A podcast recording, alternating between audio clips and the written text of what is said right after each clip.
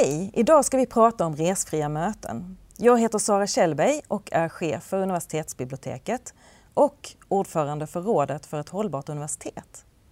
Vid min sida sitter Lars-Ingmar Olsson som är miljösamordnare på Malmö universitet. Välkommen Lars-Ingmar! Tackar! Med eh, resfria möten menar vi webbmöten. Och vilka vinster kan vi göra med den typen av digitala möten menar du? Ja, den första och mest uppenbara är ju att vi slipper resa och det är ju ur ett miljöperspektiv då att vi slipper utsläpp. Eh, och det är väl där egentligen det har börjat i mångt och mycket. Men det handlar ju om tidsvinster. Vi slipper vara borta. Det är väldigt viktigt för, för en grupp människor. Det blir ju oftast billigare, man slipper kostnader för resa, kanske en kostnad för övernattning. Och det finns en hel del andra vinster. Man, man kan få en annan mötesstruktur. Är man i projekt där man måste stämma av så att säga, så kan man använda sig av digitala möten så kan man ju ha dem mycket, mycket oftare än att fysiskt träffas. Jag tänkte på det du sa inledningsvis, det här med miljövinsterna. Kan du inte utveckla någonting kring vårt resande totalt sett på universitetet? Ja, det är ju så. Alla lärosäten i Sverige reser ju väldigt mycket. Det, det är den sektorn som har de största miljöutsläppen när vi mäter koldioxid. Och för Malmö universitets sida så handlar det om flygresorna, nästan 1000 ton. Per år då? Per år, ja. Det är den största belastningen vi ser att vi har. Det är vi och alla andra universitet. Och vi har 118 ton till Stockholm totalt sett för universitetet, för universitetet. per år. Och just till Stockholm är ju lite grann som jag har jobbat med att där går det ju faktiskt ganska enkelt att åka tåg. Eller inte åka alls. Det är i princip en timmes möte, det går ju en hel dag.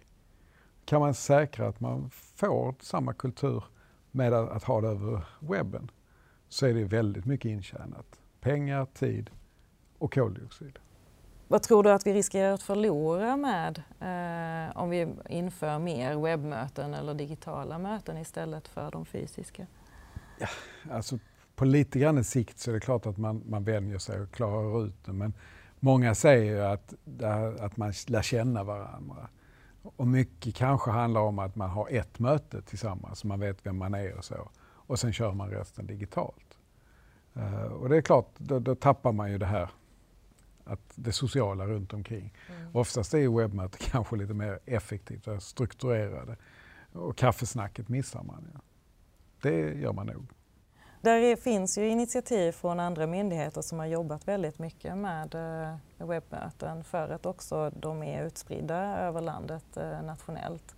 Och där finns ett initiativ som vi är anslutna till. Kan du säga någonting om det?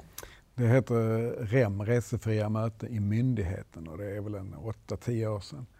Och det var eh, Vägverket, eh, traf eller Trafikverket heter det väl nu, Skattemyndigheten, Försäkringskassan.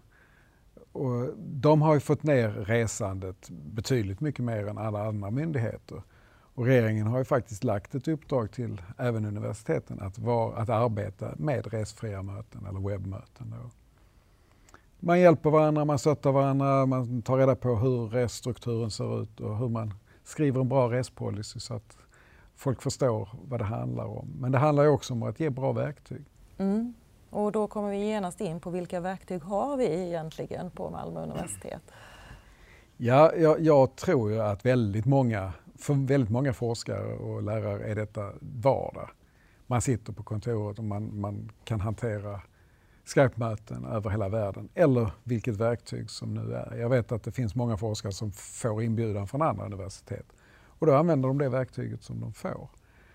Eh, vi håller på nu, hela universitetssverige, att byta till ett program som heter Zoom som ersätter Adobe Connect. Just det.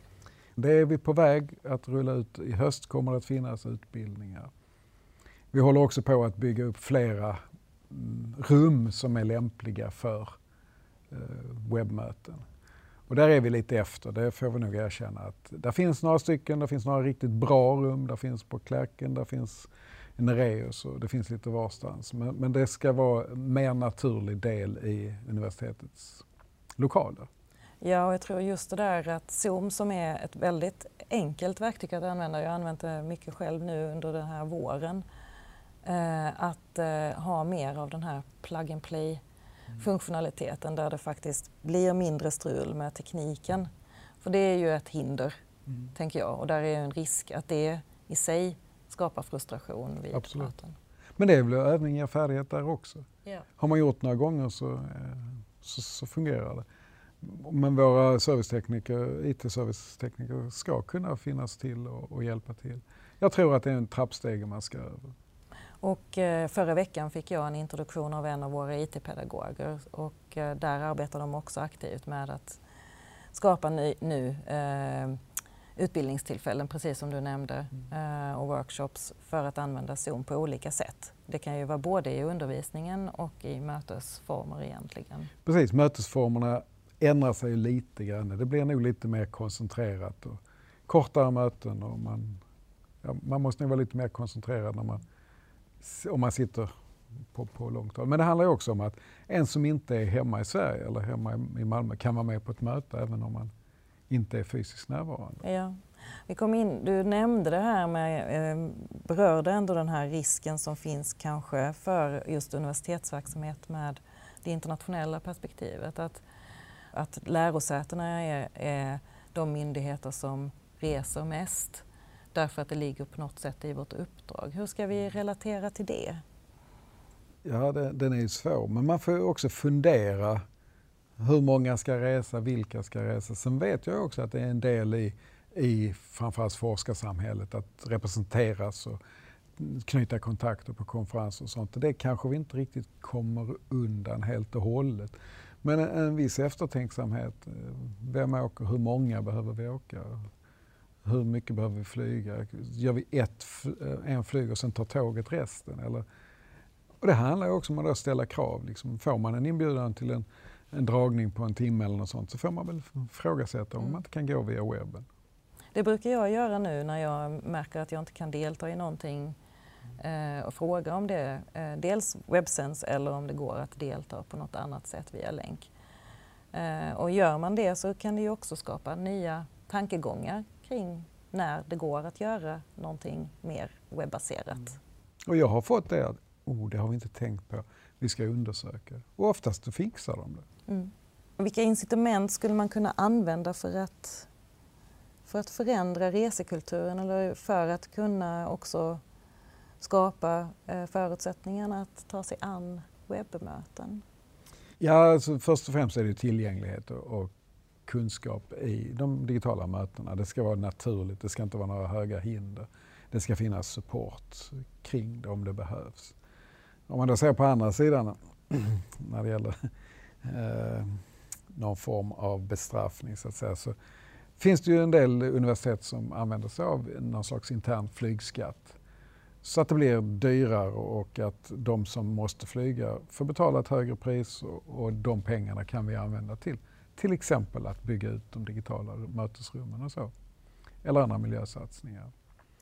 Det är lite piskan och moroten att eh, vi kommer nog all, det tar nog tid innan vi kommer helt ifrån flygresorna.